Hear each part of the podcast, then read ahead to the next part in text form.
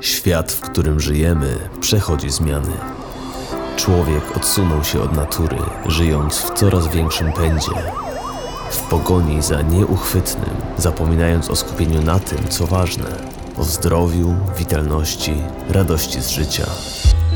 Mam na imię Jim. W tym programie szukam ludzi, którzy przypomną nam o tym, co jest naprawdę ważne Ludzi, od których możemy nauczyć się zdrowszego i pełniejszego życia i którzy zainspirują nas do podjęcia niezbędnych ku temu kroków. Zapraszam na ukłon natury. Dzisiejszy program powstaje we współpracy z marką Yango.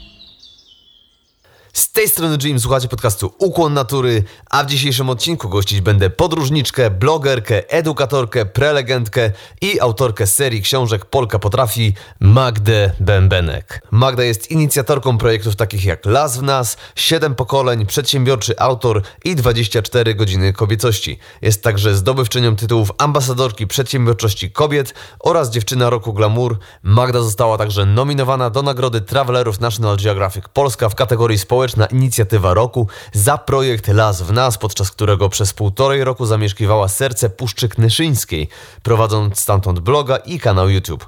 Sama o sobie pisze, że jest kobietą, która nieustannie dąży do tego, by żyć jak najbardziej autentycznie, w zgodzie ze sobą i w służbie innym, jako członkini społeczności ludzkiej oraz ziemskiej. Magda, z ogromną przyjemnością witam Cię w ukłonie natury. Cześć. Cześć Tobie i, i, dzień dobry wszystkim słuchającym. I ja od razu zaznaczę, e, że e, projekt Las nas współprowadziłam, współinicjowałam.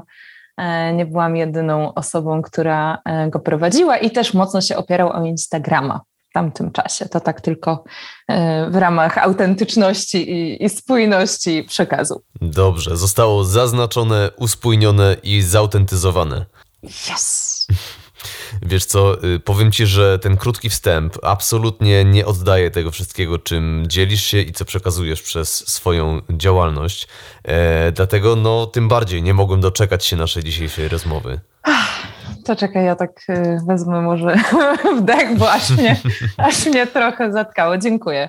E, dziękuję, tak. Ja co prawda, e, no, no tak, robiłam różnych rzeczy trochę w życiu, e, aczkolwiek one jakoś tak zawsze, wiesz, bardziej brzmią jakoś tak, nie wiem, na większe niż, niż wydaje mi się, że, że są w rzeczywistości, nie? Że to jest właśnie, mamy tak, taki kulturowy nawyk podbijania różnych rzeczy. Ja to znam, robiłam to przez bardzo długi czas, bo myślałam, że tak właśnie należy. Jasne. A, a, a tak, a jakoś e, teraz, szczególnie teraz mam, mam taki czas raczej odchodzenia od, e, od tych wszystkich powiedzmy osiągnięć, że tak by to można było nazwać i mm, no i, i, trochę innej przestrzeni funkcjonowania, więc e, tak, słuchanie jakby tylu, tylu różnych określeń, nas projektu, to jest aż takie Okej, okay, no tak, no tak, było. Dostałaś było. teraz skumulowaną dawkę. Tak. E, trzeba też zaznaczyć, że te wszystkie projekty, które ja przed chwilą wymieniłem, no one też rozkładały się, prawda, na jakimś takim dłuższym okresie czasu, no, więc tak, e, tak, takie tak. przeczytanie od góry do dołu rzeczywiście może robić, sprawiać inne wrażenie niż w trakcie ich tworzenia, w trakcie twojej działalności. Dokładnie. I też e, no myślę, że, że to też ma wpływ e, na to, jak, e, no właśnie, jak ludzie od razu kogoś odbierają, nie? Że jak dajemy taką pigułę po prostu, czego ta osoba tutaj nie zrobiła, to myślę, że z jednej strony to od razu buduje pewien dystans mhm. między nami a, a tą osobą, o której właśnie słyszymy, która jest taka ponoć och i ach.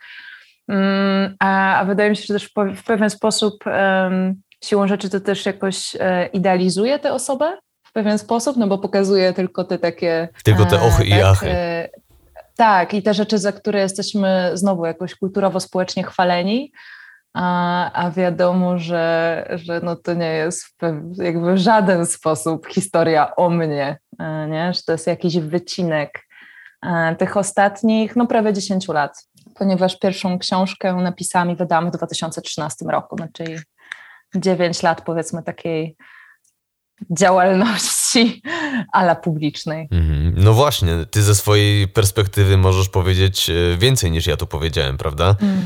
E, no ja wymieniłem tu same pozytywne aspekty, ale ty byłaś ze sobą przez te wszystkie trudności, wszystkie wyboje. Mm -hmm. Myślisz tak czasem o całej tej swojej drodze, jaką przebyłaś? Bo ja mam wrażenie, że wiesz, ilość rzeczy, które zrobiłaś w ciągu tych ostatnich 9 czy 10 lat, można by rozdysponować na co najmniej kilka życiorysów.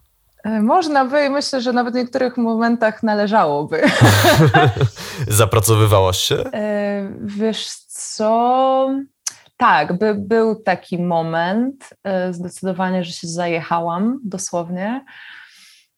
E, teraz wiesz co, ja od e, w sumie od końca zeszłego roku um, bardzo edukuję się i też praktykuję rzeczy związane z neuroplastycznością, z uzdrawianiem autonomicznego układu nerwowego i w ogóle zbudowaniem w moim przypadku po raz pierwszy w życiu regulacji w układzie nerwowym, ponieważ z racji mojej historii E, rodzinnej i wszelkich innych po prostu e, no jakby ten system e, nigdy pewnych rzeczy sobie nie wypracował, których potrzebuje, żeby w zdrowy, zrównoważony sposób funkcjonować. Mhm. Mm, I tak naprawdę no ja wiele z tych rzeczy robiłam na czymś, co, co teraz już wiem, jak się nazywa, i to się nazywa energią przetrwania. I to jest po prostu to, że twój system nerwowy E, nie ma regulacji w systemie, więc cały czas leci w takiej energii walki lub ucieczki. No i wtedy Aha. mamy takiego speeda i właśnie bardzo często się przekraczamy, robimy rzeczy ponad nasze siły, robimy ich za dużo e, w niezrównoważony sposób, bo po prostu inaczej nie potrafimy. Więc wiesz, właśnie z jednej strony, jak słyszę te wszystkie rzeczy, no to właśnie one brzmią super i one pod wieloma względami były super, no i też cudowne, cudowne doświadczenia, cudowni e, ludzie poznani na, na tej ścieżce, równocześnie też bardzo wiele niesamowicie trudnych e, doświadczeń, trudnych relacji, bycia w trudnych sytuacjach. Mm, I z jednej strony jestem wdzięczna za to wszystko i jak myślę o niektórych z tych rzeczach, które zrobiłam, e, to, to mam takie wielkie wow, okej, okay, że to się udało a równocześnie teraz też już mam świadomość, e, z czego pewien, pewien rodzaj nakręcenia i takiej intensywności i mm, no tak, nakręcenia intensywności, nie, nie wiem jak to w sumie inaczej nazwać, że to tak naprawdę wcale nie było zdrowe. Jasne. E, nie? I, I że z jednej strony super jest realizować własne projekty, ja też mam to szczęście, ten przywilej, że no tak naprawdę całe, praktycznie całe dorosłe życie spędziłam realizując własne pomysły na to, co chcę robić e, zawodowo, zarobkowo, albo współorganizując coś z kimś innym, tak jak w przypadku Las w Nas. Mm, więc e, tak, no tutaj mam ogromny przywilej, a równocześnie teraz jak na przykład e, pomyślę sobie o, o różnych przekazach i, i różnych komunikatach, które wystosowywałam w trakcie E, promocji pierwszej książki czy drugiej książki. Mm, to, to tak, no z jednej strony to, to było wartościowe i, i, jakby na tamten moment było wszystko, wszystkim, co byłam w stanie dać, bo po prostu sama nie, nie, nie znałam e, e, pewnych rzeczy, nie miałam pewnej wiedzy, nie miałam w sobie różnych rzeczy ułożonych. No a równocześnie no, też patrzy na to takim trzeźwym, trochę krytycznym okiem, na zasadzie okej, okay, że to jakby szło, e, że jakby te bardzo dobre kawałki, myślę zdrowe i wspierające i wartościowe były bardzo wymieszane z takimi kawałkami, e, no myślę, mało zdrowymi. E, w kontekście e, narracji, e, w której żyłam i którą przynajmniej gdzieś częściowo przekazywałam dalej. Mhm, mówisz o takiej narracji wewnętrznej, tak? Wiesz co, mówię o narracji dookoła tego, kim ja jestem, jak ja funkcjonuję, jaka ja jestem, jacy są inni ludzie, jaki jest świat. Z racji na moje doświadczenia, to jakby jak dorastałam, z czym dorastałam, miałam bardzo zakrzywiony obraz zarówno siebie, jak i innych osób, na niekorzyść swoją, na korzyść innych osób, więc no jakby niestety to wywoływało bardzo wiele y, różnych niezdrowych dla mnie dynamik w relacjach. Mm. No tak, no ale to, to jakby się też przekłada na wszystko inne, nie? na to, jak funkcjonujemy, właśnie w jaki sposób pracujemy, co robimy, czy odpoczywamy, czy i jakie połączenie mamy ze sobą, z innymi, z, szerszy, z szerszym światem natury, z czymś, co by można, nie wiem, nazwać szeroko rozumianą duchowością, ale nie w takim wydaniu jakimś, nie wiem, New Age i -hmm. Good Vibes Only, bo od tego jakby bardzo mi do tego daleko. Mm, ale w takim poczuciu przynależności i, i bycia rzeczywiście jakąś, nie wiem, komórką w tkance tego wszystkiego, e, w czym funkcjonujemy. No i po prostu te rzeczy w dużym stopniu nie są możliwe, jeżeli właśnie funkcjonujemy w dysregulacji, a ja, a ja w niej funkcjonowałam. Zresztą no, nadal, to ja dopiero od kilku miesięcy gdzieś się na ten temat edukuję i to praktykuję, a, a to jest taka praca y, no, totalnie u podstaw naszej fizjologii, więc ona zajmuje czas, więc ja tam wiadomo, jeszcze dużo, dużo różnych rzeczy mam do zrobienia. Ale widzę, jak niesamowita jest różnica w tym, jak ja funkcjonuję, jak, y, jak czuję swoje ciało, siebie, swoje emocje, jak inaczej myślę, y, jak inne decyzje podejmuję, no to jest coś niesamowitego. A możesz opowiedzieć mi coś więcej o samej tej neuroplastyczności, z którą pracujesz? Mm. Z radością, wiem sobie o. Z radością ci o tym opowiem, bo o prawie niczym innym nie mówię od blisko roku. Fantastycznie. Wkręciłaś się w temat, widzę. Co prawda tak, mogę ci powiedzieć e, na takim poziomie jakiejś mojej praktyki, moich doświadczeń, ponieważ zdecydowanie nie jestem jeszcze na poziomie, żeby być tutaj edukatorką na temat naszego układu, e, autonomicznego układu nerwowego, ale moja mentorka jest taką osobą, więc wszystkie osoby zainteresowane bardzo, bardzo wszystkim osobom zainteresowanym polecam, e, żeby wyszukały sobie kobitkę, która się nazywa Irene Lyon. Aha. Zakładam, że gdzieś możemy link y, dorzucić w opisie oczywiście, podcastu, oczywiście. Więc, więc mogę mm. go później podesłać. Irene Lyon, tak jak lew, tak? Irene Lyon, tak, jest Kanadyjką. I ona jest specjalistką od właśnie neuroplastyczności, uzdrawiania autonomicznego układu nerwowego jest y, wyszkolona w trzech metodologiach pracy somatycznej. Praca somatyczna to jest praca na poziomie ciała, na poziomie naszej fizjologii e, i łączy te trzy różne metodologie w swoich kursach, e, które prowadzi i e, już w ogóle samo słuchanie jej kanału YouTube w zeszłym roku, no mniej więcej myślę, że o tej porze jakoś na nią trafiłam. I najpierw przez kilka miesięcy słuchałam jej rzeczy, zanim się zdecydowałam na pierwszy kurs, potem na drugi. I, i to, to, Dobrze. To jest po prostu. Widzę, że widzę, że ten temat bardzo Cię zajmuje. Mm -hmm. powiedz mi w takim razie, na czym polega sama neuroplastyczność dla osób, które nigdy wcześniej nie miały z tym styczności? Mm -hmm. Zasadniczo neuro, neuroplastycznością, e, tak jak ja to rozumiem, nazywamy, e, nazywamy plastyczność naszego mózgu, naszego układu nerwowego, tak? Bo do stosunkowo niedawna e, było takie przekonanie, że nasz mózg się nie zmienia, mhm. że on jest po prostu stały, działa jak maszyna, tak? Jak się zepsuje jakaś część, to kaput i ogólnie game over. No a się okazuje, że w ogóle tak nie jest, że nasz mózg nieustannie się uczy, nieustannie uczy się uczyć, nieustannie się zmienia. Jeżeli jakaś część mózgu z jakiegokolwiek powodu przestaje funkcjonować, to inne części mózgu, mózgu mogą jakby mogą przejąć te funkcje. No a też w takim przełożeniu na, na to, jak funkcjonuje nasz autonomiczny układ nerwowy, no to jest ta część naszego układu nerwowego, która odpowiada za wszystkie rzeczy e, autonomiczne, czyli automatyczne, czyli te rzeczy, które się dzieją jakby bez naszej kontroli, oddychanie, trawienie, E, regeneracja w trakcie snu i, i mnóstwo, mnóstwo, i gospodarka hormonalna, jakby mnóstwo, mnóstwo rzeczy. Tak naprawdę wszystko, co się zadziewa w naszym okay. organizmie w ten czy w inny sposób jest połączone e, z funkcjonowaniem tego układu, jak zresztą każdej innej części, tak? Ponieważ jest to jeden wielki, dynamiczny proces e, tego organizmu, który nieustannie się staje i, i nieustannie E, jest, e, no tak, jest w ruchu e, i jest w mhm. zmianie.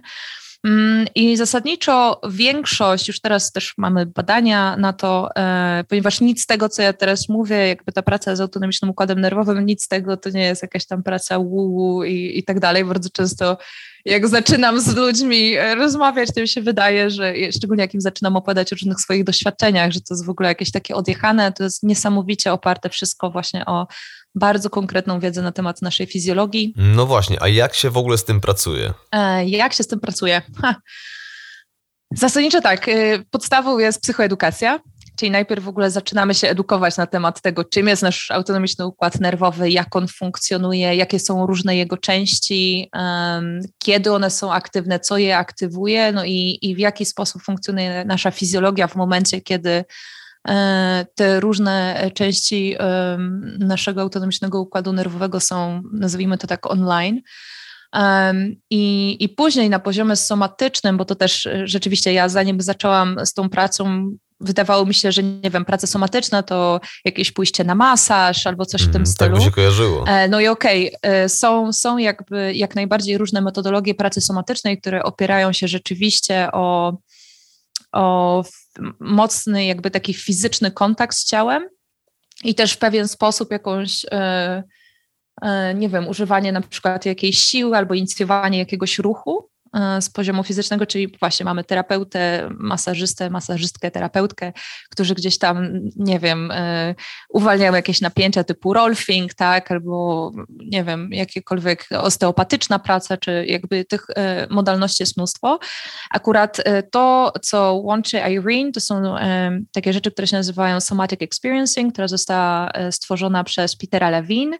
W ogóle jest super, bo kilka jego książek jest przetłumaczonych na język polski, więc więc tutaj też e, nie znajomość języka angielskiego nas w żaden sposób nie ogranicza, a te książki są super, bardzo dobrze tłumaczą e, podstawy tego, czym jest trauma, jak funkcjonuje w systemie i jakie też są jej konsekwencje.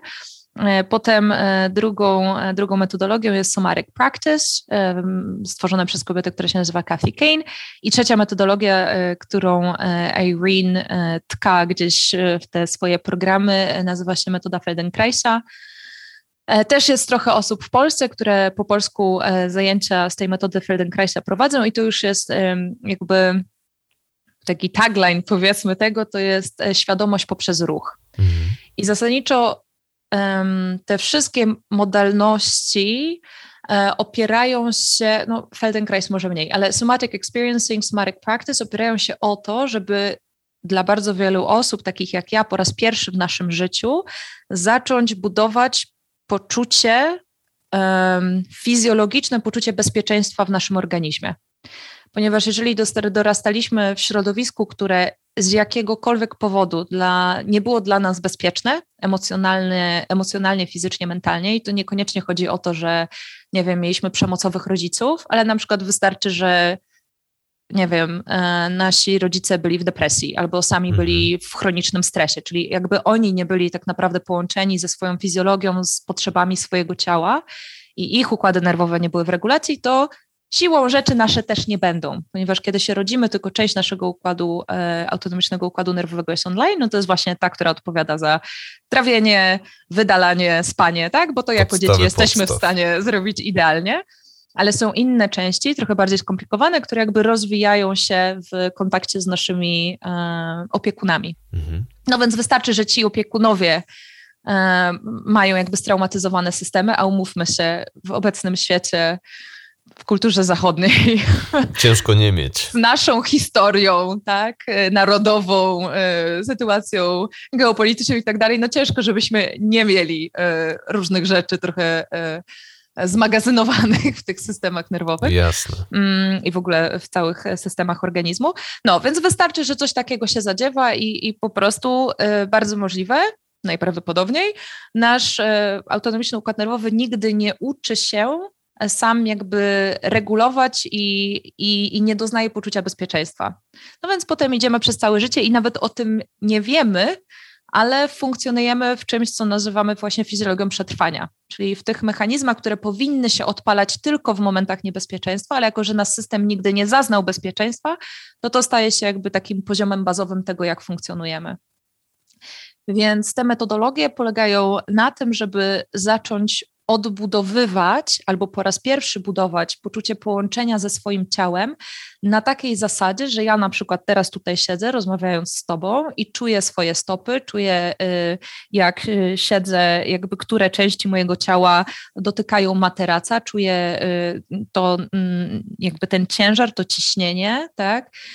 czuję jak oddycham, czuję co mi się z plecami dzieje, czy jakby nieustannie tak naprawdę mam kontakt z tym, co się zadziewa wewnątrz mojego organizmu. Ale tak typowo fizycznie, tak? kiedy mam, tak, dokładnie, na, na poziomie fizjologii, mhm. czyli na poziomie tego, co się dzieje w moim organizmie, ponieważ mój organizm nieustannie e, wysyła mi różne informacje a my kulturowo, społecznie. Spychamy to na bok. E, jesteśmy tak naprawdę cały czas kierowani, już pomijając kwestię, wyobraźmy sobie, że wychodzimy z domu, w którym dostaliśmy wszystko, czego potrzebowaliśmy z tego punktu widzenia autonomicznego układu nerwowego, miłość, wsparcie, mieliśmy rodziców, którzy byli na nas uważni, jakby wszystkie te rzeczy, no ale potem wchodzimy na przykład do szkoły. Mm -hmm. tak? I przez 45 minut musimy siedzieć w pozycji, która jest dla nas nienaturalna, niewygodna i nie możemy iść do ubikacji wtedy, kiedy potrzebujemy, nie możemy się napić wtedy, kiedy potrzebujemy, nie możemy zjeść wtedy, kiedy potrzebujemy. Nie? I tych rzeczy naprawdę jest po prostu takich mikro momentów, w których z bardzo różnych powodów odcinamy się od naszego ciała i jakby tracimy kontakt z tym, jakie sygnały to ciało nam cały czas wysyła, no jest niestety bardzo, bardzo wiele. I potem jakby taką długoterminową konsekwencją życia w dysregulacji, życia też w chronicznym stresie, bardzo często w toksycznych relacjach, bo to też są jakby symptomem e, dysregulacji w układzie nerwowym jest na przykład to, że pozostajemy w toksycznych, w przemocowych relacjach, mhm. tak? Ponieważ nie słuchamy sygnałów, które wysyła nam ciało i znam to niestety z doświadczenia kiedy ciało nam mówi, że halo, tu jest coś nie okay, jest bardzo nie okay. Ja żyłam nie wiem, stanach lękowych tak naprawdę, no, tak nazwijmy to, z, jakby z napięciem w żołądku latami. I ja nawet nie, nie byłam świadoma tego, że ja żyję w stanie lękowym, nie? Bo to jakby był... Nauczyłaś się po prostu to ignorować. To była norma. To, to była mhm. po prostu norma, nie? Mm, no i właśnie, i teraz po raz pierwszy w życiu, e, jakby bycie na takim etapie, gdzie ja zaczynam na tym poziomie fizjologii czuć, e, a, okej, okay, wow, dobra, to, to, to, to, tak się można czuć. I wiesz, i właśnie nie ma, nie? Nie ma takiego doładowania, nie trzeba w ogóle. Zmieniło się, nie wiem, to jak chodzę, tempo mojego chodzenia. Y, ruch mojego chodu się zmienił, y, mój głos się zmienia, to jak ja mówię, no jakby poza tymi rzeczami, które są tak bardzo wewnętrznie we mnie, które, które jest ciężko wytłumaczyć nawet na takim poziomie zewnętrznym. Nie wiem, moja twarz się zmienia, mój uśmiech się zmienia, ponieważ uwalniam na przykład tyle różnych napięć z twarzy, y, że no tak, że dosłownie wizualnie zmienia mi się twarz na przykład, Jasne. nie? Więc, no ale to są takie, no to są takie powiedzmy małe zmiany, tak? Ale jakby przechodząc do takich dużo większych, jeżeli właśnie żyjemy e, z tą e, dysregulacją przez x czasu, e, w niezdrowych dla nas sytuacjach i funkcjonujemy w niezdrowy dla nas sposób, no to zaczynają się pojawiać choroby. E, I, I, jakby choroby, które nazywamy autoimmunologicznymi, w większości to są po prostu symptomy dysregulacji naszego autonomicznego układu nerwowego. Nie? Czy mówimy o e, problemach z trawieniem, czy mówimy o, e, nie wiem, chronicznej, chronicznym zmęczeniu, chronicznym bólu, czy jakby całym naprawdę całym przekroju różnych, nazwijmy to, problemów zdrowotnych, mm, to tak naprawdę one są funkcją, są symptomem tego, że u, u podstaw, u korzeni mamy dys, jakby dysregulację w naszej fizjologii e, i, i, w tym, jak funkcjonuje nasz autonomiczny układ nerwowy.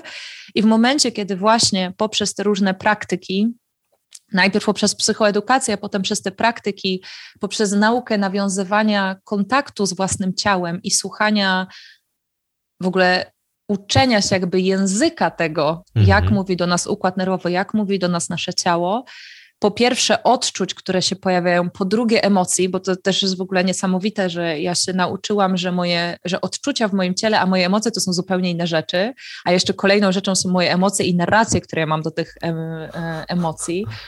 I nagle się okazuje, że, że rzeczy, y, które jakby pewne odczucia w ciele. I przez odczucia mam na myśli na przykład jakiś gorąc, który mhm. gdzieś zaczynamy czuć, nie? że na przykład y, zrobiliśmy, popełniliśmy jakiś błąd, powiedzieliśmy jakąś gafę i nagle zaczynamy czuć wstyd. nie? No więc gdzieś nam nachodzi, nie wiem, ciepło do policzków. No to ciepło w policzkach to jest odczucie, to nie jest emocja jeszcze.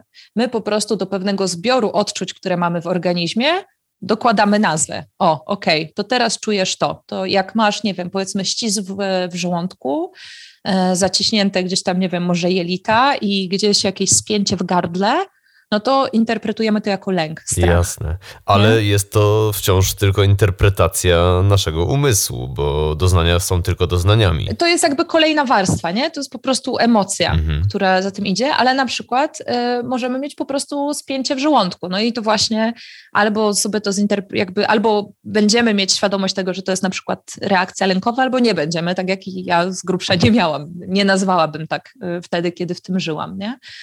Mm, więc y, tak, więc to jest na przykład jedna z takich rzeczy, które, których się uczę, że okej, okay, dobra, czuję jakieś napięcie i uczę się po prostu być z tym napięciem, a nie natychmiast robić coś, żeby się pozbyć tego dyskomfortu, tego uczucia. Mhm. Więc to też jakby ta praca w moim doświadczeniu, to co się zadziewa dla mnie. Jesteś tak bardziej z tym, co się dzieje. Po pierwsze, zwiększa mi moją możliwość do bycia z tym, co się zadziewa w moim ciele a po drugie pozwala mi w coraz większym stopniu po prostu być z tymi odczuciami, niekoniecznie idąc od razu w, w działanie. W działanie. Mhm. E, coraz mniej interpretacji i narracji, chociaż to jak najbardziej jeszcze mówię, ja to dopiero od kilku miesięcy robię, więc to jest jeszcze długa droga, ale już to, co się zadziewa i to, że ja naprawdę czasem zauważam zmiany niemalże z dnia na dzień albo z tygodnia na tydzień, w swoim zachowaniu, czy na przykład w tym, że coś, co jeszcze, nie wiem, powiedzmy w marcu właśnie wywołałoby taką reakcję lęku, e, czyli ściśnięcia w ciele, teraz zadziewa się to samo i ja w ogóle zero reakcji w ciele, zero fizjologicznej zmiany, ponieważ już jakąś ilość tego ładunku, tych starych energii i tego starego jakby Irene nazywa to i w ogóle w tym świecie stored survival stress, no, czyli taki zmagazynowany stres przetrwania, tej energii przetrwania, tych wszystkich impulsów, które się odpalały, kiedy chcieliśmy uciec, ale albo nie mogliśmy, albo nie czuliśmy, że możemy, albo chcieliśmy walczyć, ale albo nie mogliśmy, albo czuliśmy, że nie możemy. Nie? I te wszystkie impulsy z całego naszego życia, jeżeli nie zostały wyrażone, to one jakby nieustannie krążą w naszym organizmie. I, I w momencie, kiedy zaczynamy z tym pracować i zwiększamy coś, co się nazywa pojemnością naszego systemu, e, czyli właśnie do tego, żeby po pierwsze być w połączeniu z tym naszym e, ciałem, z tym, co się zadziewa, a potem też z tymi różnymi emocjami albo odczuciami, które się pojawiają, to powoli zaczynamy jakby te zapętlone, powiedzmy, stare rzeczy, powoli, powoli je zaczynamy transformować i integrować na nowo. No i właśnie się okazuje, że coś, co nasz system powiedzmy tak jak w moim przypadku w marcu, interpretował jako coś dla mnie niebezpiecznego, więc stąd była ta reakcja, nie wiem, ścisku w żołądku i teraz, jako że mam mniej, dużo mniej tej tych starych energii przetrwania, on już teraz tego tak nie interpretuje. Mhm. Czyli jakby zaczyna się powiedzmy prostować coś, co nazywamy interocepcją, czyli taką moją umiejętnością, jakby moim wewnętrznym odbiorem tego, co się zadziewa, zarówno we mnie, jak i na zewnątrz mnie. I jak dorastamy w środowiskach, które nie są dla nas bezpieczne, to no, jakby bardzo często ta interocepcja nie, nie rozwija się w prawidłowy sposób. Czyli nie jesteśmy w stanie w poprawny sposób zinterpretować na poziomie fizjologii, a co za tym też potem idzie na, na poziomie mentalnym, tego, co jest dla nas bezpieczne, a co nie. I w momencie znowu, jak zaczynamy pracować y, w ten sposób somatycznie z systemem, to powoli, powoli zaczyna nam się zmieniać właśnie to, jak odbieramy różne rzeczy. Czyli coś, co kiedyś odbieraliśmy jako niebezpieczne, już teraz nie jest. Czyli na przykład coś, co kiedyś, nie wiem, stresowałoby mnie, zrobienie czegoś albo jakaś sytuacja. Teraz nie jest problem. Teraz się okazuje, że, że to nie jest problem, mhm. tak? Wyrażenie siebie, postawienie jakiejś granicy, yy, odmówienie czegoś, pójście za czymś, zdecydowanie się na coś, tak? I, I to są rzeczy, które się zaczynają zadziewać naturalnie, nie są w ogóle związane z y, silną wolą, z, z przekraczaniem czegokolwiek, tylko one po prostu na miękko, dzięki temu, że zaczynamy op, jakby roztaczać opieką różne rzeczy, które zaczynamy rozumieć e, i zaczynamy dawać uwagę i obecność sobie, swojemu systemowi, i zaczynamy słuchać impulsów, które idą z ciała,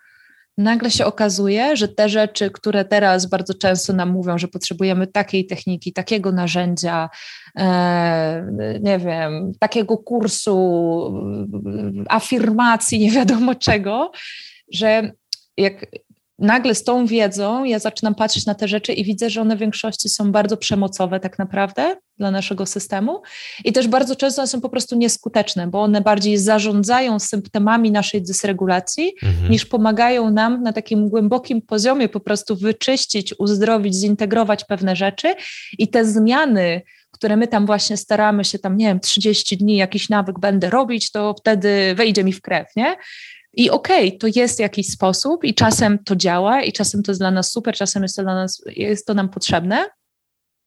No ale ja zaczynam obserwować, że po prostu pewne rzeczy, o których myślałam od x czasu, że ja bym je chciała robić, tak myślałam, że ja bym je chciała robić, teraz ja po prostu zaczynam je robić. I to nie, w, w ogóle nie ma w tym jakby tego poziomu men, jakby mental, mentalnego, wiesz, przygotowywania się do czegoś. jakiejś takiej przesadnej samodyscypliny, tylko to samo z ciebie płynie. Tak, no wiadomo, no jakby hmm, no, pewna dyscyplina jest, tak, no bo ja codziennie robię praktyki, codziennie jakby mm, pracuję nad tym, mhm. żeby uzdrawiać ten układ nerwowy, ale z tego zaczynają się pojawiać po prostu niesamowite zmiany we wszystkich innych obszarach mojego życia. Mhm.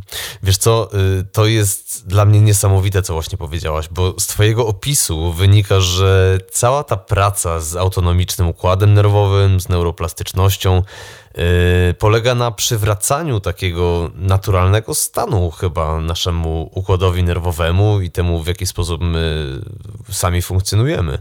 Yy, mam wrażenie, wiesz co, że dużo z takiego rozwoju osobistego, czy z tych wszystkich nurtów rozwoju osobistego yy, polega na, raczej na dokładaniu sobie czegoś, na dokładaniu jakichś takich, wiesz, kolejnych praktyk, kierunków rozwoju, które nabudują coś na naszą osobę.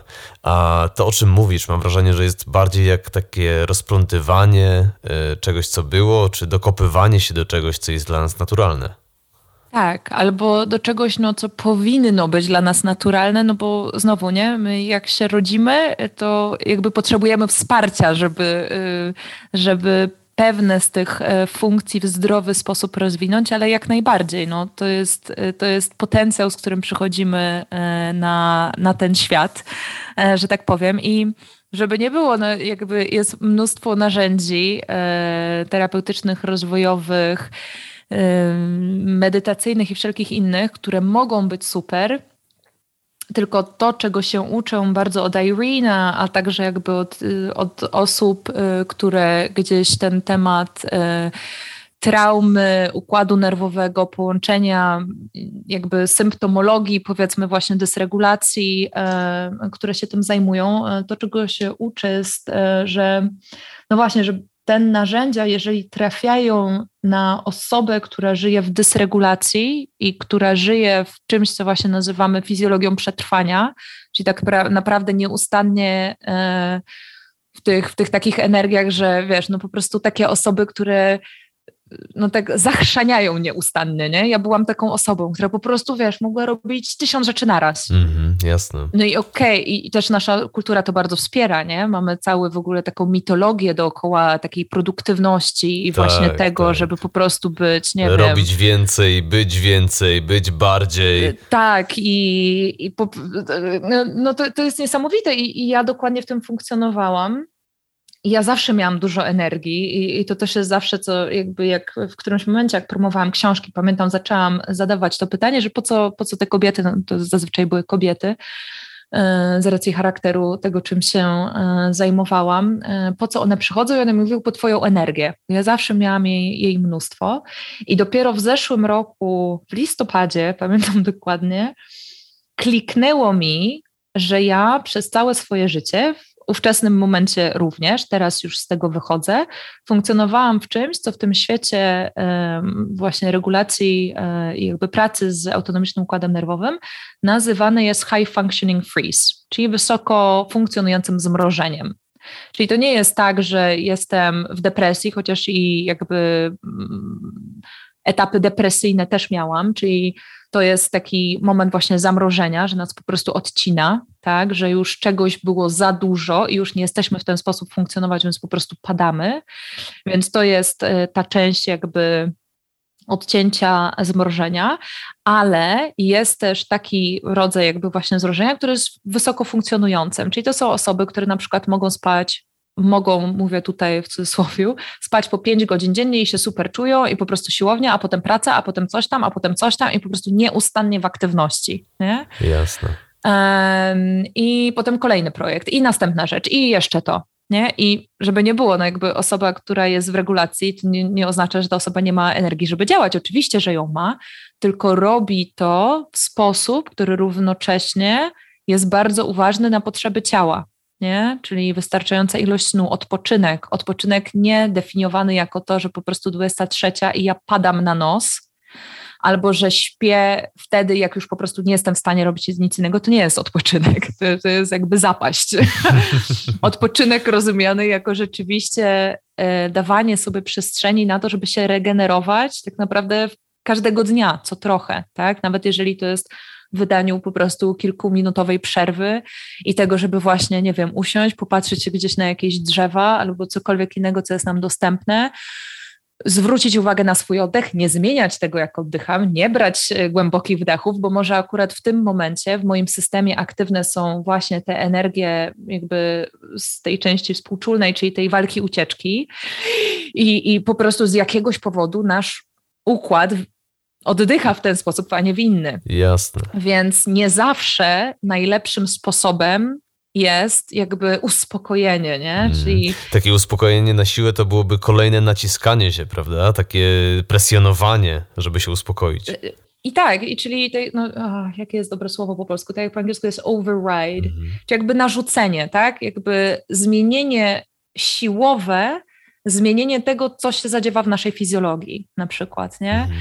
Nie wiem, takie malutkie rzeczy, o których ja w ogóle nie miałam pojęcia i sama je zawsze robiłam. E, typu, wiesz, zaczynasz prowadzić jakiś warsztat albo spotkanie i masz, nie wiem, jakąś wizualizację, medytację, czy czego, jakbyśmy tam tego nie nazwali.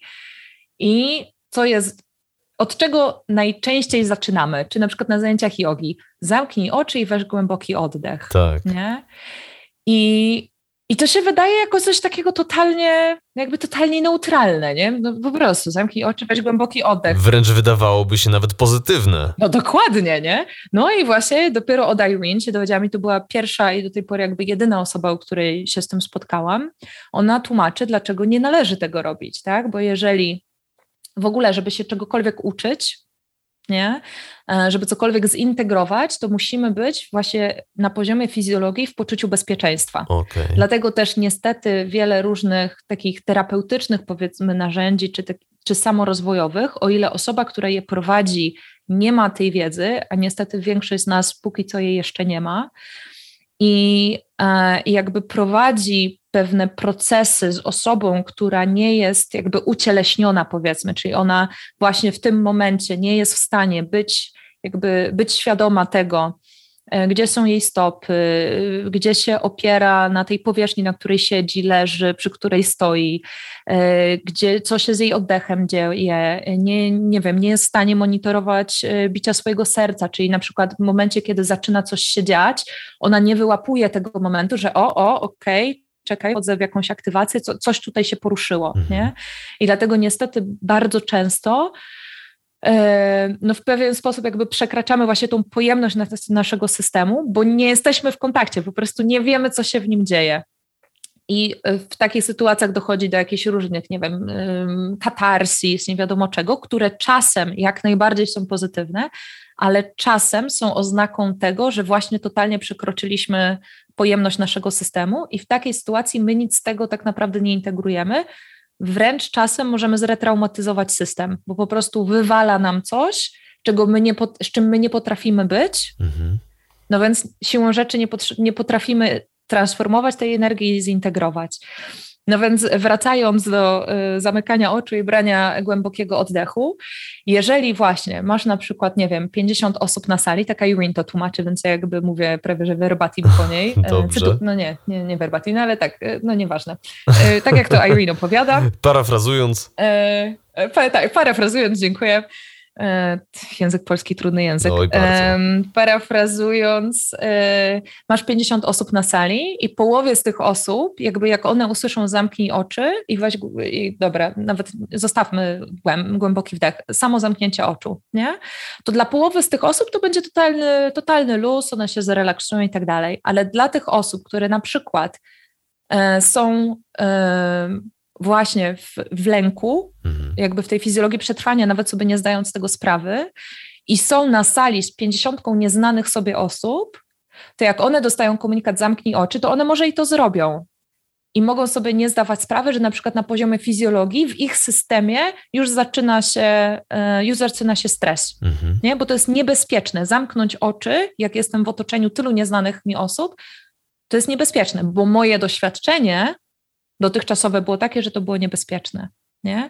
To też jest na przykład jedna z, z, ogromnych różnic między tymi praktykami, nawet takimi najbardziej podstawowymi. Najbardziej podstawowa, którą Irene, e, której Irene uczy, nazywa się orienting, czyli takie orientowanie, tak? czyli nawiązywanie kontaktu. E, I zresztą e, na swoim kanale YouTube ma, ma tam dwa, trzy, trzy różne nagrania, udostępnione za darmo, więc można sobie spróbować, jak, jak taka praktyka, jak taką praktykę odbieramy. Super. Mm, I ja nigdy nie miałam e, praktyki medytacyjnej jakoś kurde, nie, nie, nie, potrafiłam, jakby nie potrafiłam się do tego zabrać, mimo że, że słyszałam, że przecież wszyscy muszą medytować i medytacja jest super i ekstra i tak dalej. I znowu, pod wieloma względami dla wielu osób tak, ale nie zawsze i nie dla każdego i nie na każdym etapie, jak się okazuje. E, ale e, mam takie doświadczenie z kilkoma osobami, e, którym puściłam te praktyki Irene, a które jakby są przyzwyczajone do praktyk medytacyjnych. I to, co było, jakby to jest niesamowicie obserwować, że, że Irene, bo to są nagrania audio, zaczyna prowadzić tą praktykę i te osoby natychmiast zamykają oczy. Jakby to jest po prostu, to już jest taki odruch, który mamy, nie? A ona prowadzi tę praktykę orienting, a orienting polega na tym, że właśnie nawiązujemy kontakt z tym, co mamy w naszym otoczeniu, równocześnie ucząc się nawiązywać kontakt z tym, co mamy w sobie. Jasne.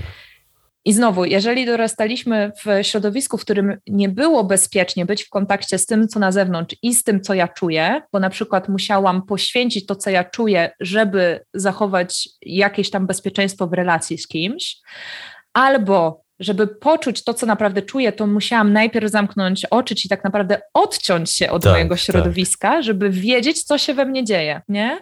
A ta praktyka orienting właśnie robi jakby coś dokładnie innego, uczy nas, jak jak łączyć się zarówno z tym, co jest na zewnątrz, jak i z tym, co mamy w sobie. I to było niesamowite właśnie obserwować zdziwienie na, na twarzach tych osób i potem jak rozmawiałyśmy, bo to też no, głównie ze znajomymi albo z moimi uczennicami e, to robiłam, Um, i, I jak zaczynałyśmy rozmawiać, to mówię, kurczę, ja nigdy nie robiłam czegoś takiego z otwartymi oczami. I jakie to jest totalnie inne doświadczenie, nie? E, no więc, więc tak, więc, no więc właśnie, no taka prosta rzecz typu zamknij oczy, nie? Mówione gdzieś do grupy osób i się okazuje, że połowy połowie już być może odpala fizjologia przetrwania, nie? A potem na przykład weź głęboki wdech, nie? To jak oddychamy nie bierze się znikąd. To, że na przykład mamy krótki oddech, spłycony oddech, czyli właśnie jesteśmy w, tej, e, w, ty, w tym pobudzeniu e, współczulnym, czyli nie, to z jakiegoś powodu się zadziewa. No, mhm. albo to, że znowu mamy taki, nie, że prawie nie mamy tego oddechu. Jakby to wszystko nasz system nie jest głupi. To jest 4,5 miliarda lat ewolucji na tej tylko planecie. tak, to się samo jakoś tam reguluje, Tak, no prawda? no z jakiegoś powodu się to zadziewa. To nie oznacza, że jakby, że to koniecznie oddychamy w dobry sposób, w sensie w dobry, w znaczeniu, nie wiem, zdrowy, najbardziej optymalny, ale to się zadziewa z jakiegoś powodu i w momencie, jak właśnie zaczynamy pracować u źródeł czyli nad regulacją tego układu nerwowego, to po pierwsze zaczynamy się uczyć, a okej, okay, to w momencie jak oddycham tak, to prawdopodobnie znaczy, że to ta część układu nerwowego jest online, zadziewa się to i to w mojej fizjologii, a potem z czasem zaczyna się okazywać, że właśnie to, jak oddychamy, się zaczyna zmieniać. To, w jaki sposób śpimy, zaczyna się zmieniać. To, jak działa nasze trawienie, ile razy chodzimy do ubikacji w ciągu dnia, zaczyna się zmieniać. Nie? I tych zmian jest po prostu no, nie wiem, wszędzie, wszędzie. Zaczynają się pojawiać naprawdę wszędzie. W każdym aspekcie życia. To jest, nie, to jest dla mnie magia. A to jest równocześnie tak, w pewien sposób tak podstawowe i tak proste. Nie jest to koniecznie łatwe, i też szczególnie za, jakby w zależności od tego, jakby z którego miejsca trafiamy na taki rodzaj pracy i z tego, w jakim stanie mamy układ nerwowy w danym momencie, to pewne rzeczy będą, będziemy mieli do nich większą pojemność albo mniejszą, więc też w różnym tempie będziemy te rzeczy robić, w różnym tempie będziemy widzieć zmiany. Mhm. Ale tak, no to, to jest niesamowite, że właśnie coś tak prostego, nie? że nam się to chyba wydaje za proste, właśnie z tymi wszystkimi technologiami, technikami, metodologiami opartymi o takie badania, tamte badania.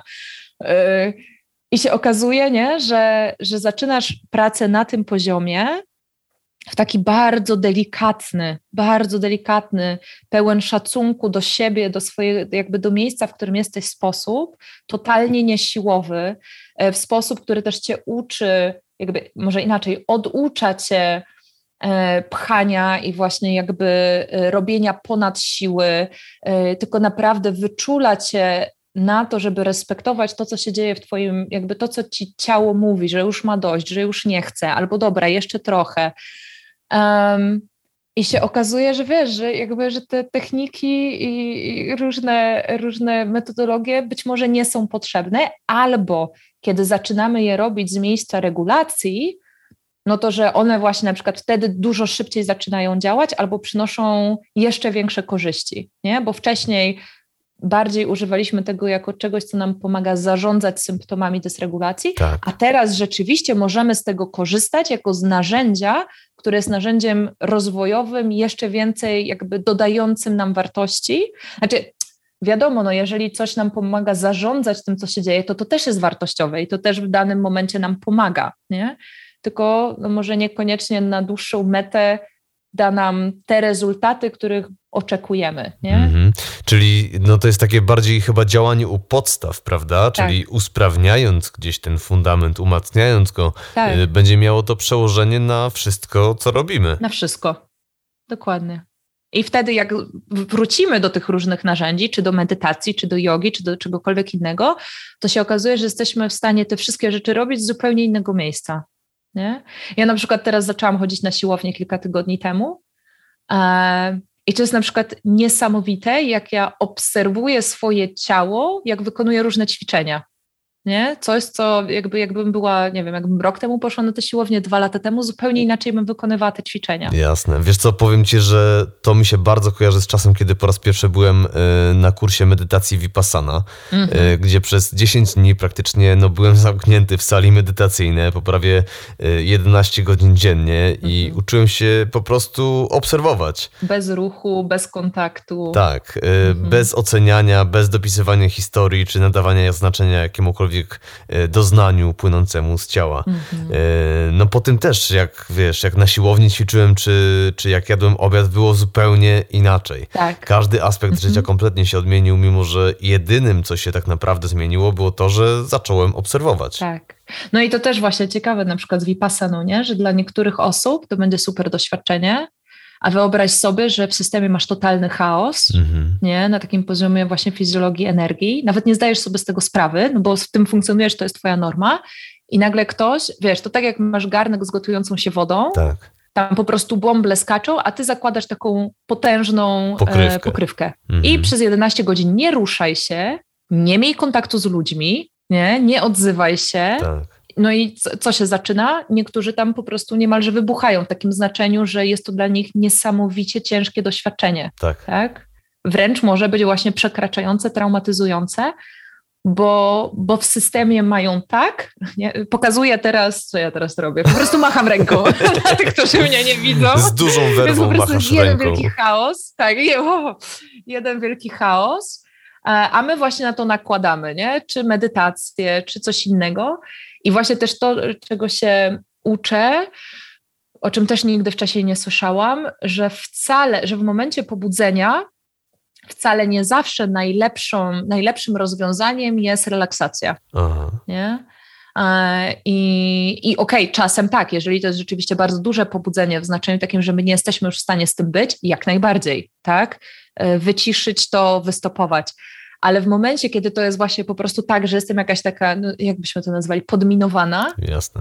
mhm. nie, to, to się okazuje, że są dużo lepsze sposoby, y, dużo lepsze, no nie wiem, no potencjalnie lepsze y, sposoby na to, żeby tą energię gdzieś puścić, transformować, niż to, że teraz usiądę i po prostu wszystko we mnie chodzi, ale ja teraz będę zen i oczyszczać mój umysł i głęboko oddychać i nie, że jakby, że na wszystko jest miejsce i czas, tylko obecnie myślę, że jest taki bardzo mocny przekaz, że na pewne rzeczy zawsze jest miejsce i czas. Mhm. A się okazuje, że, że może niekoniecznie. Zresztą jest taki, e, tak, Irwin też ma taki super film właśnie, że e, najpierw regulacja, potem relaksacja. Czyli właśnie dokładnie o tym, nie? Że, że być może w, nas, w naszym systemie jest po prostu jeden wielki wir i to nie jest moment, żeby się relaksować. To jest moment, żeby popracować z tym wirem, mhm. nie? Żeby, e, no tak, żeby ogarnąć ten wir i potem przy, i w ogóle relaksacja zacznie przychodzić też sama, to jest zupełnie inna kwestia, nie? E, ale tak, że to też właśnie nie, nie zawsze jest najlepsze narzędzie. Mhm.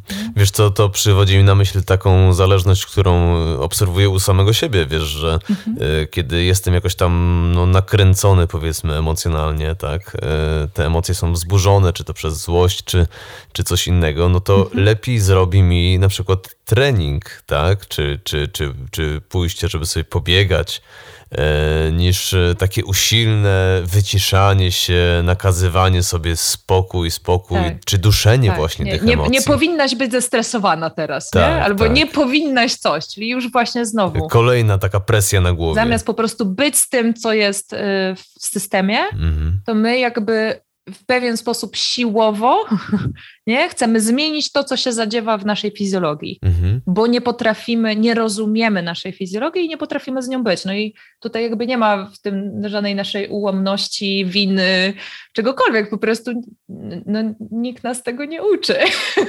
I też jakby stosunkowo niewiele osób. Yy, gdzieś jest e, powiedzmy piśmienna e, w tym temacie traumy i, i regulacji układu nerwowego i to gdzieś dopiero się zaczyna, nie? Taka fala świadomości i edukacji w tym temacie.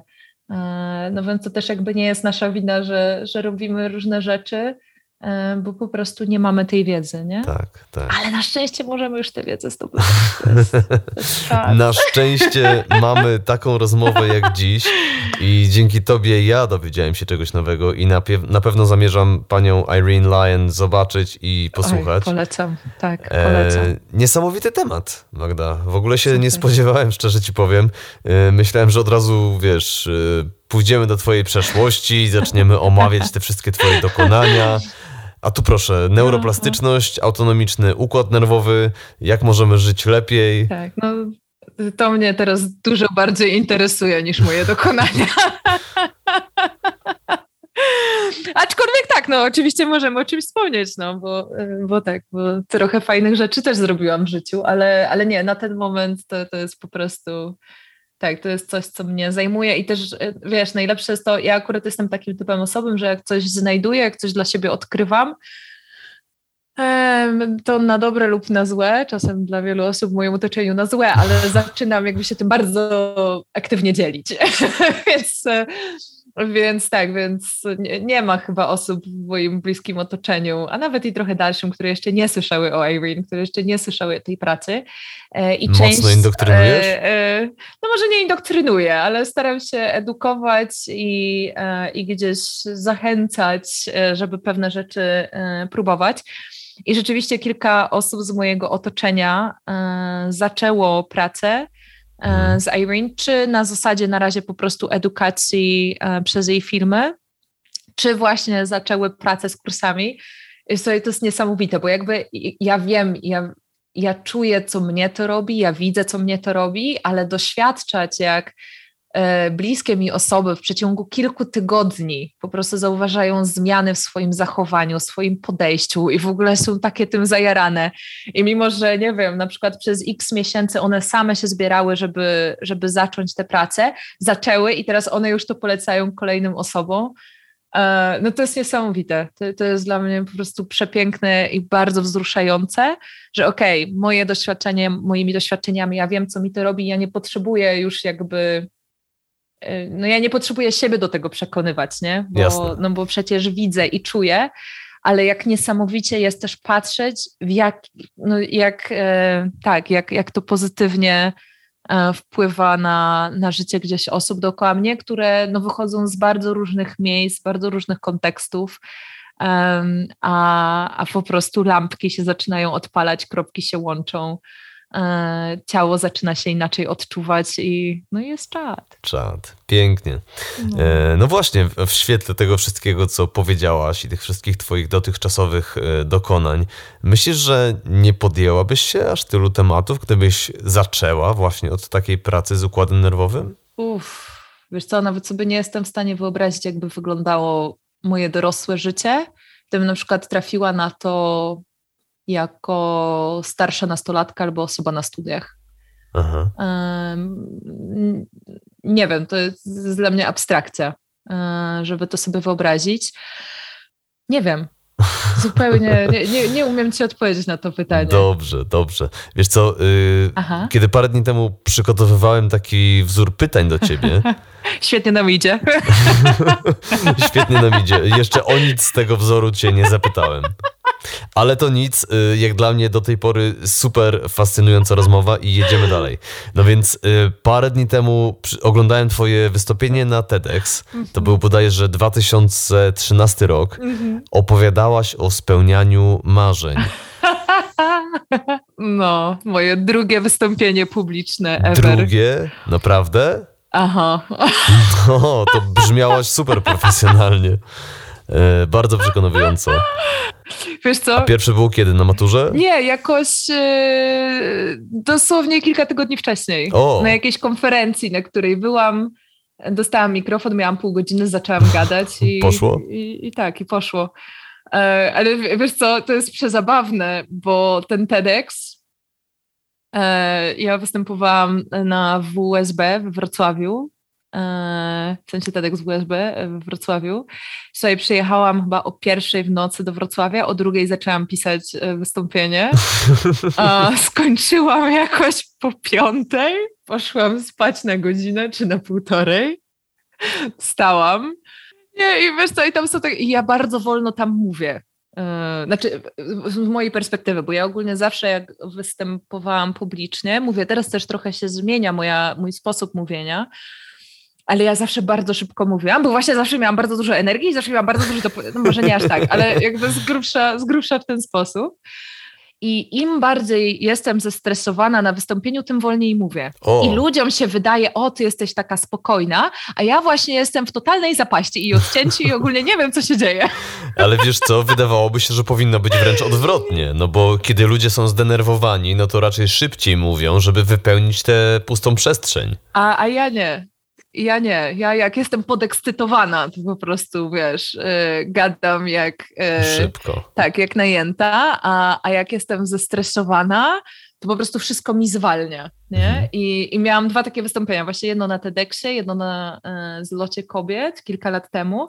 Ja sobie przed tym TEDxem to było chyba jedyny raz w życiu, pierwszy i ostatni jak do tej pory, y, gdzie y, próbowałam mojemu ówczesnemu chłopakowi powiedzieć to, co ja sobie tam napisałam na tym wystąpieniu. I słuchaj, zaczynam mówić i po prostu pusto. Jakby powiedziałam jedno zdanie i, i nic. I po prostu pamiętam, że ja za godzinę mam być na scenie, stoję w ubikacji tego miejsca, gdzie to się odbywało, przytulona do mojego byłego partnera i mam takie, Przecież ja nie wiem, co ja mam powiedzieć. Jakby ja nic nie pamiętam. A to wiesz, TEDx nagrywane, w ogóle. Uu, no, poważna sprawa. I zrobiłam sobie karteczkę i tam miałam chyba trzy czy cztery słowa na tej karteczce. W takich momentach, gdzie się najbardziej zacilałam. I jak zobaczysz to nagranie jeszcze raz, jakby wiedząc to teraz, to tam jest taki moment, że tak wstrzymuję, że to niby taka pauza jest, ale ja tak naprawdę nie mam pojęcia, co ja mam właśnie teraz powiedzieć. I podchodzę do stołu, tak zerkam na tę karteczkę. Widzę to słowo i zaczynam znowu opowiadać. Więc, e, więc tak, więc właśnie. Fiszki się jak przydają. Jak mi mówisz, że to tak, że to wygląda bardzo profesjonalnie, to jak sobie pomyślę o zapleczu. No ale właśnie, to tak trochę jest właśnie z tymi wszystkimi osiągnięciami, z tymi wszystkimi projektami, nie? że to może wyglądać jakoś, a, a to, co się tam dzieje dookoła tego i jak wygląda na zapleczu, to czasem Nie zawsze, ale czasem jest to zupełnie inna historia. Nie? Tak, no to jest y, cała magia tego show, prawda? Y, wiesz, ja kiedyś pracowałem y, w teatrze przy musicalach, mhm. w kilku rolach tak naprawdę, od takiego technika za kulisami po nagłośnieniowca. No i rzeczywiście, wiesz, aktorzy wychodzą na scenę, szeroki uśmiech, make-up, światła i tak dalej, wszystko robi robotę, ale poza sceną ludzie są spoceni, zdenerwowani, y, gdzieś tam się spieszą, make-up spływa i tak. No tam to widać po prostu. Jak już zejdziesz ze sceny, widać cały ten trud, cały ten wysiłek yy, i to różni się od tego, wiesz, wrażenia, które sprawiasz yy, dla widowni. Nie? Od, od takiej rolki, rolki osiągnięć, którą gdzieś tam puszczamy. Tak, nie? tak. No. W każdym razie, podczas tego twojego wystąpienia na TEDx. No. wracając do dlatego tematu. Ci, dlatego jak, e, to może przybliżę słuchaczom i słuchaczkom, że jak mi wysłałeś listę pytań, to ci napisałam, że co, nagrywamy całą, całą dobę, tak? tak Bo jakby tak, tych tak. pytań było tyle. I, a tak, ja jak zaczynam gadać, to gadam. Więc, e, Ale więc ciekawie tak, No, y, na tym wystąpieniu. Tak, na tym wystąpieniu, na tym wystąpieniu mówiłaś o spełnianiu marzeń. Mówiłaś o podróżowaniu, o warsztatach, które planowałaś. E, nie miałaś za co tych marzeń spełniać. I doprowadziło to do pewnej decyzji, która miała wpływ na całą twoją późniejszą karierę, czyli do napisania przez ciebie książki. Aha. Znaczy, i, I, tak i nie, bo ja miałam pieniądze, żeby podróżować i ja y, mhm. książkę wydałam po tym, jak już od trzech lat podróżowałam po świecie i mieszkałam okay. już w różnych miejscach i tak dalej. Więc y, ja tam opowiadam y, o momencie, zanim zaczęłam podróżować, jak byłam na studiach, ale ja też już wtedy, ja kiedy byłam nastolatką, zarabiałam, uczyłam angielskiego, mhm. zaczęłam uczyć angielskiego chyba jako 13 czy 14 latka. E, I, I, gdzieś tam odkładałam kasę. Na studiach uczyłam w szkole językowej, uczyłam też prywatnie, jakby więcej uczyłam niż studiowałam. E, dlatego teraz jakby jakbyś mnie zapytał o cokolwiek związanego z moimi studiami, to się do ciebie ładnie uśmiechnę i ogólnie tyle będę pamiętać. Um, bo, bo od kiedy byłam dzieckiem, wiedziałam, że chcę podróżować, mieszkać za granicą, mówić w różnych językach, więc jakby te podróże, one się nie pojawiły, nie wiem, nagle, nie pojawiły się w mojej dorosłości, tylko one jakby zawsze były motywem przewodnim, od kiedy pamiętam e, Jasne. w moim życiu. Ale rzeczywiście e, to historia, którą opowiadam, e, o, i to jest na przykład rzecz, której bym teraz w życiu nie zrobiła, ale wtedy to zrobiłam, no i, i okej, okay, wtedy tak, tak musiało być część mojej ścieżki. Ale był taki moment, że się zadłużyłam na 30 tysięcy złotych żeby polecieć na seminaria rozwojowe. E, teraz to bardziej nazywam ego rozwojowe od wielu lat, ale tak. A co to były za seminaria?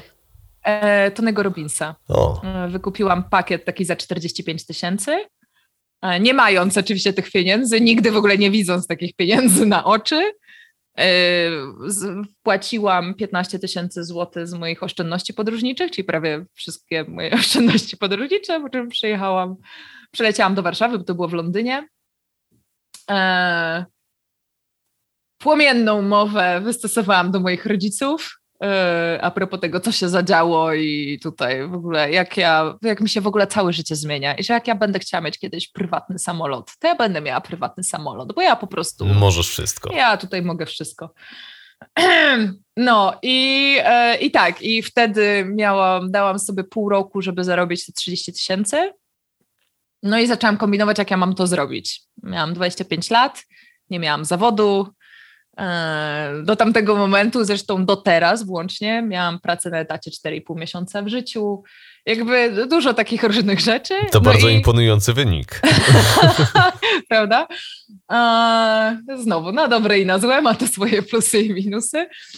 E, więcej plusów zdecydowanie jak dla mnie, e, no ale tak. E, I, I to był ten moment, gdzie właśnie nie miałam pieniędzy, bo byłam 30 koła na minusie. I gdzieś w procesie eliminacji i próby wymyślenia w jaki sposób jako 25-latka bez obszernego doświadczenia zawodowego mogę w niecałe 6 miesięcy zarobić 30 tysięcy złotych, doszłam do tego, że samodzielnie wydam książkę. Bo przecież Wszyscy wiedzą, że na książkach się super zarabia. Dokładnie, wszyscy wiedzą, że na tym się super zarabia, więc wszyscy je wydają. Tak, szczególnie jak jest się totalnie nieznanym nazwiskiem, nic się nie wie o rynku wydawniczym i no.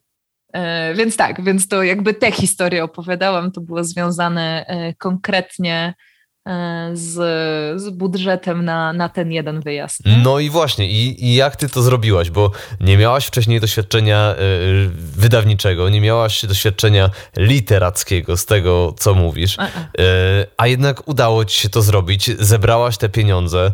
Jak tego dokonałaś? E, wiesz co, ja, ja zawsze miałam dużo szczęścia do ludzi i, i to był akurat taki czas, że to było rok po tym, jak spędziłam kilka miesięcy w Polsce, bo przez ówczesne dwa lata nie było mnie jakoś super dużo w Polsce. Potem w 2012 roku spędziłam kilka miesięcy w Polsce, gdzieś tam się wkręciłam w różne towarzystwa. Long story, y, tak skracając, e, w 2013 roku, jak wymyśliłam, że będę wydawać książkę, to miałam znajomego z Luksemburga, który mieszka w Polsce, który trochę wcześniej wydał E, taki album o kawiarniach warszawskich.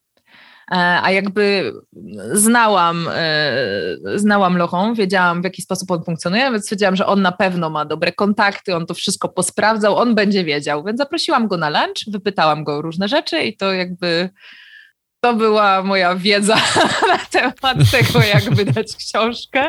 W pigułce. E, no tak, e, na szczęście e, Lochon podesłał mi gdzieś tam namiary na osobę, z którą współpracował, jeśli chodzi o skład książki, dał mi namiary na drukarnię. No i potem ja też w tamtym momencie byłam po prostu w jakimś takim magicznym momencie mojego życia, w kontekście energii i takiego przekonania, że w ogóle ja nie wiem, jak ja to zrobię, ale przecież oczywiście, że ja to zrobię i to w ogóle nie mam żadnych wątpliwości. I też zaczęłam... Parafrazując Tonego Robinsa, obudziłaś w sobie giganta. E, no, gigantów. Tak, gigantka to nawet tego nie opisuje. E, no i, i wtedy też rzeczywiście po prostu poznawałam mnóstwo osób, które chciały się zaangażować w to, żeby mi pomóc od jakiejś e, dziewczyny, którą poznałam na jakimś evencie, która jak usłyszała, co robię, to mi zaproponowała, że mi zrobi korektę książki. Przez to, że jedna z bohaterek pierwszej książki zrobiła mi za darmo okładkę tej książki. Przez to, że, nie wiem, moim redaktorem był mój ojciec. jakby też to, że ja zaczęłam promować tę książkę, bo ja ją wymyśliłam jakoś pod koniec maja chyba.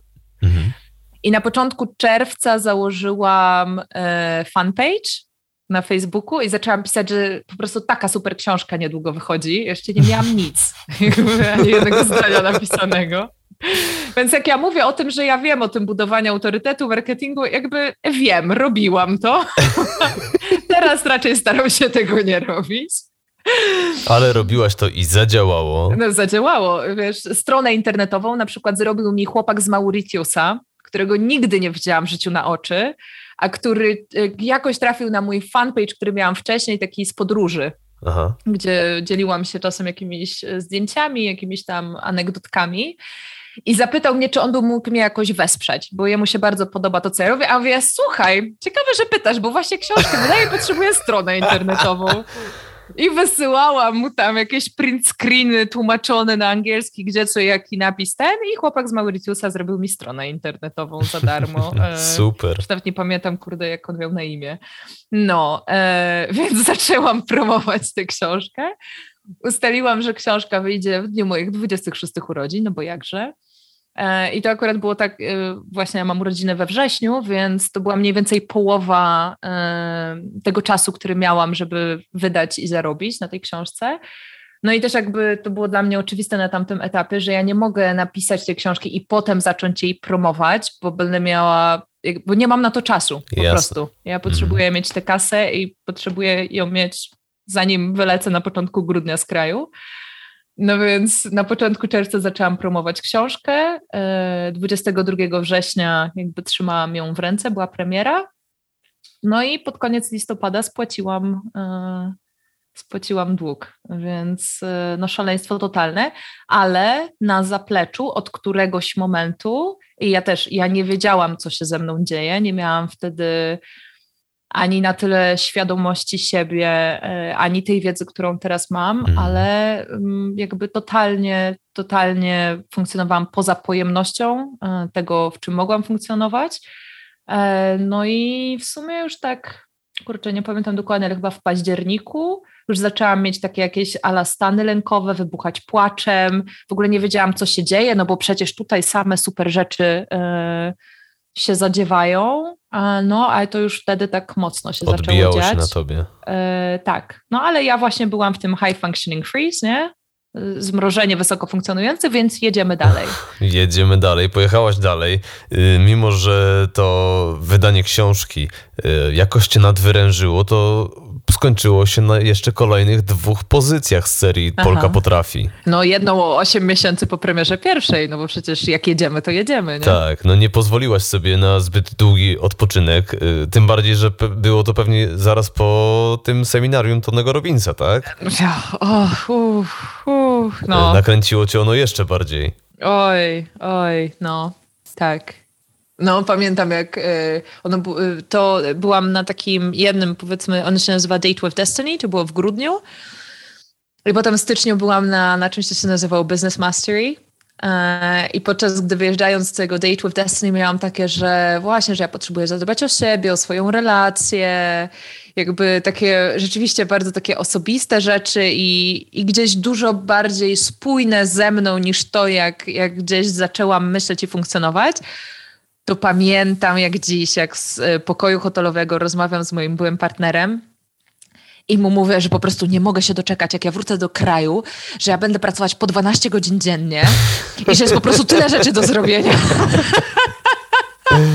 No, Tony Robbins na pewno potrafi porządnie nakręcić. No, do e, teraz. Wyobrażam no. sobie tylko, jak to jest na żywo, e, ale no, już nawet w materiałach dostępnych gdzieś tam za darmo w internecie e, przebija się ta jego umiejętność. No, ale to jest właśnie to, to jest ten sympate, to jest ten właśnie współczulny walka, ucieczka, energia przetrwania, nie? Po prostu jedziesz, jedziesz, jedziesz. To jest dokładnie tak. to. To jakby to, to nie idzie ze zdrowego, zregulowanego, zrównoważonego miejsca, nie? E, no, no więc ja też tak wtedy nie funkcjonuję, jakby no, no znowu, no to ta, jakby po prostu nie wiedziałam, czego nie wiedziałam, nie, nie, nie czułam, czego nie czuję, e, więc tak, więc e, chwilę później na Dzień Matki 2014 wydałam drugą książkę, no a trzecia wyszła po blisko sześciu latach bo wydałam ją w marcu 2022, y, bo bardzo dużo, bardzo dużo zadziało się we mnie. Mhm. A te książki, mimo że jakby to nie są książki o mnie i to są zbiory prawdziwych historii kobiet z całego kraju, e, więc ja tam jestem, trochę jestem takim kręgosłupem, ja i moja historia i moje doświadczenia, jesteśmy takim kręgosłupem dla spięcia historii innych bohaterek, więc jestem po prostu jedną z x tak, osób. No ale wiadomo, że to moje doświadczenia e, wpływają na to, jak ta książka wygląda, jakie bohaterki wybieram, jaki jest temat przewodni. E, więc e, tak, bardzo dużo, uff, to, to też byśmy mogli kilka godzin pewnie o tym gadać, o, o tej przerwie i o tym czasie i co tam się zadziało. Być może w przyszłości jeszcze będzie okazja ku temu. Teraz y, Polecam skracamy, się. bo wiem, że masz już dzisiaj mało czasu. Tak, no w każdym razie y, to po prostu jakby potrzebowały się różne rzeczy we mnie przemielić, we mnie transformować ja potrzebowałam się z różnymi tematami ułożyć i, i efektem tego jest ta trzecia książka, Świat naszych marzeń, która nadal jest książką, jakby nadal jest jedną z serii Polka Potrafi, czy jest ta sama formuła, czyli jest 13 historii, 14 kobiet.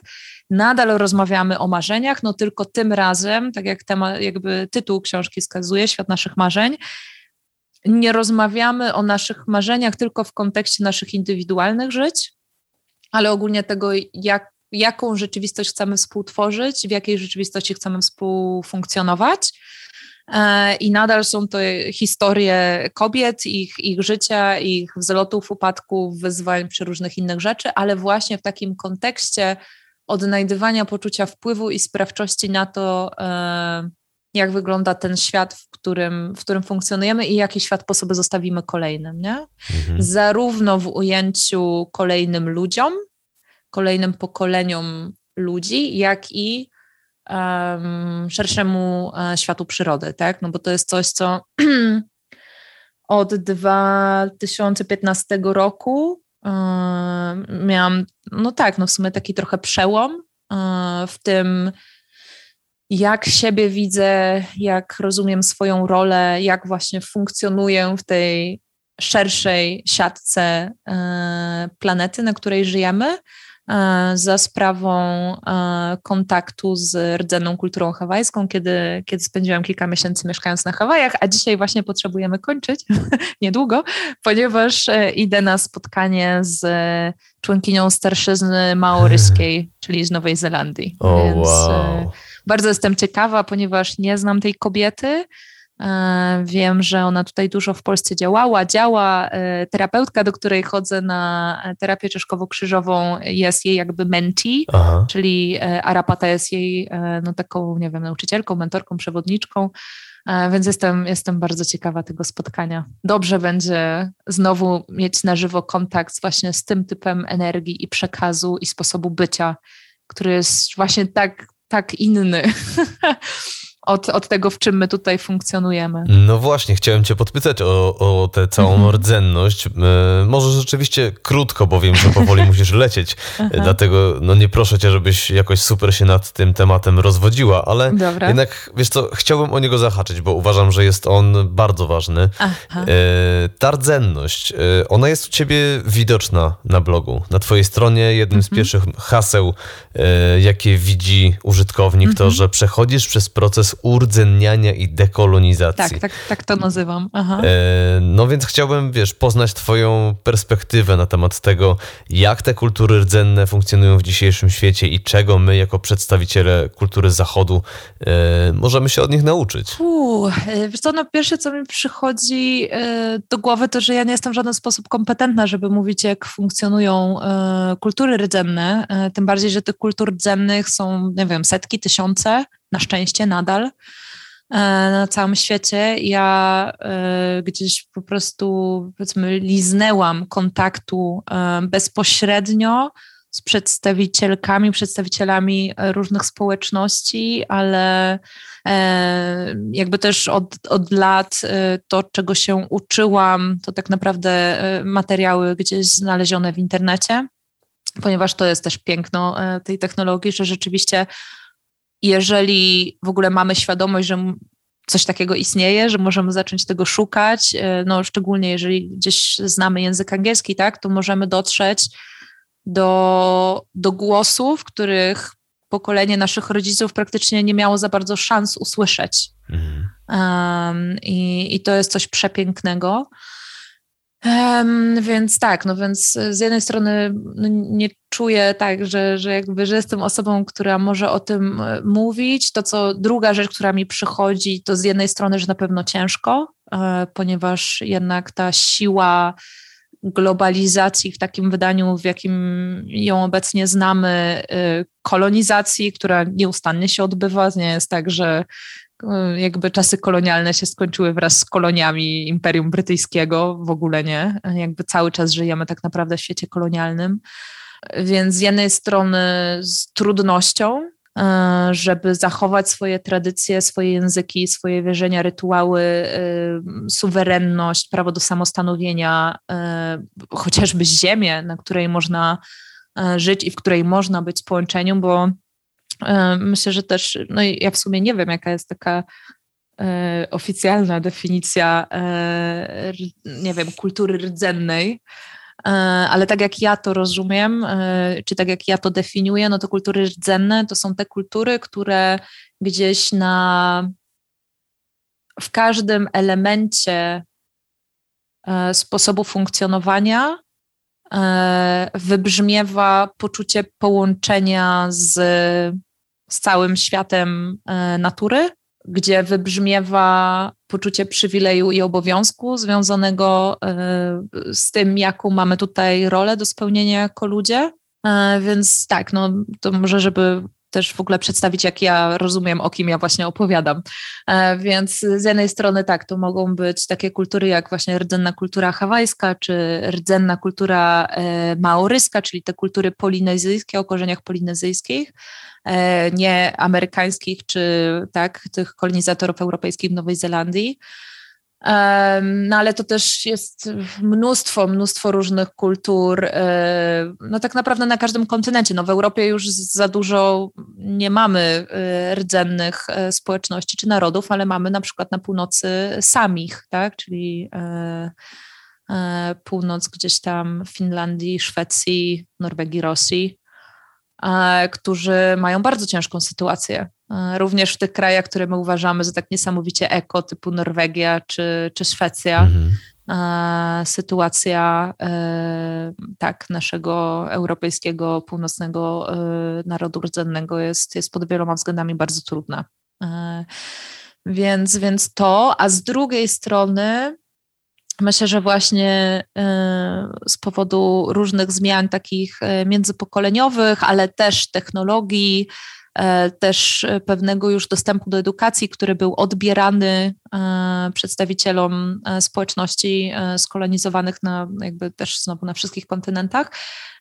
Myślę, że w bardzo wielu miejscach jest taki renesans różnych kultur i właśnie rozpoznania pewnych narzędzi, żeby, żeby postarać się pewne pewne kultury, pewne ich elementy rewitalizować, wzmacniać, e, dzielić się nimi z, z szerszym e, światem.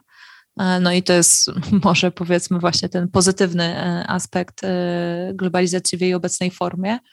No ale tak, jakby poza tym, poza takimi ogólnikami, myślę, że, że no tak, nie, nie mam wystarczająco wiedzy, Jasne. żeby się w to gdzieś bardziej zagłębiać. Jasne, ale niewątpliwie taki kontakt z tą rdzennością y, no, wywarł na tobie mhm. większe wrażenie, prawda? Tak. Tak, tak. No, y, no i właśnie, to, to był czas, ja wyleciałam na Hawaje pod koniec 2014 roku, tak jak wspomniałam, w maju 2014 roku wyszła moja druga książka ja chwilę po jej premierze już naprawdę ledwo funkcjonowałam tak na poziomie fizycznym i to był moment, gdzie w końcu stwierdziłam, ok, dobra, jakby potrzebuję poodwoływać warsztaty, wystąpienia, e, wszystkie inne rzeczy i zacząć, zacząć jakby o siebie dbać. E, i, I to też był taki czas, gdzie już zaczęłam bardzo kwestionować właśnie to, co my rozumiemy jako samorozwój, to był już ten moment, gdzie kwestionowałam e, te szkolenia, na których byłam w ogóle cały ten nurt e, tak zwanego samorozwoju,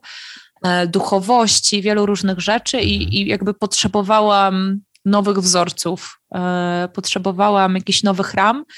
I, I dokładnie to w którymś momencie zaczęłam dla siebie odkrywać na Hawajach. Mm, I podczas gdy nie ma za bardzo jakichś filmów moich z tamtego czasu, nie ma tekstów z tamtego czasu, to u mnie na stronie e, magdabemenek.pl można znaleźć kilka tekstów a propos Hawajów, jakichś e, koncepcji kulturowych, a na moim kanale YouTube, e, który się nazywa Wracamy do Natury, jest wywiad w dwóch częściach z edukatorem, z Lanakilą, właśnie ze społeczności rdzennej hawajskiej, który przez lata czy od lat przelatywał, przylatuje do Polski e, uczyć tańca hula i w ogóle elementów kultury hawajskiej. I to myślę też, e, jeżeli jest to dla kogoś zupełnie nowy temat, to myślę, że to może być fajne miejsce, żeby zacząć. Film jest, jakby wywiad jest w języku angielskim, ale są polskie napisy, więc jest to wszystko dostępne. Mm, także bardzo polecam i też tak, tak jak wspomniałeś, jakby ta rdzenność gdzieś się poja- przewija na stronie, ja też mam tam tłumaczenia dwóch wystąpień e, przedstawicieli innych e, rdzennych e, nacji. No i dla mnie to są niesamowite wartościowe treści, które właśnie znowu, tak jak trochę, tak jak to trochę nazwałeś, ta moja historia o, o pracy z autonomicznym układem nerwowym, takie przywracanie się do, no właśnie, naturalnego stanu, to dla mnie jakby to, w jaki sposób te osoby które przedstawiam u siebie na stronie w tych tłumaczeniach, to w jaki sposób one komunikują pewne rzeczy, co komunikują, to tak samo jak te treści, które tworzy Irene, one po prostu przemawiają do, do całego mojego ciała, do, do mojego systemu.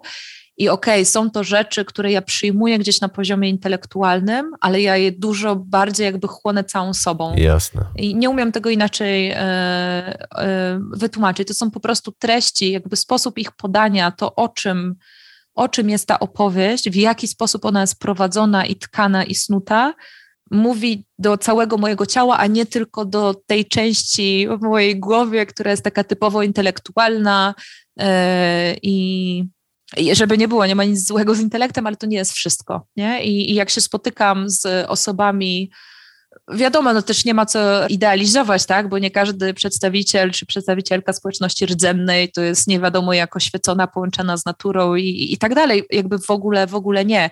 Ale jeżeli są osoby, które rzeczywiście gdzieś zostały wychowane w, w tych przekazach, w, ty, w tym sposobie bycia, to no nie wiem, dla mnie to osoby po prostu mają inną energię, czym innym emanują i, i mnie na przykład to robi bardzo dobrze, więc może komuś innemu też dobrze zrobi.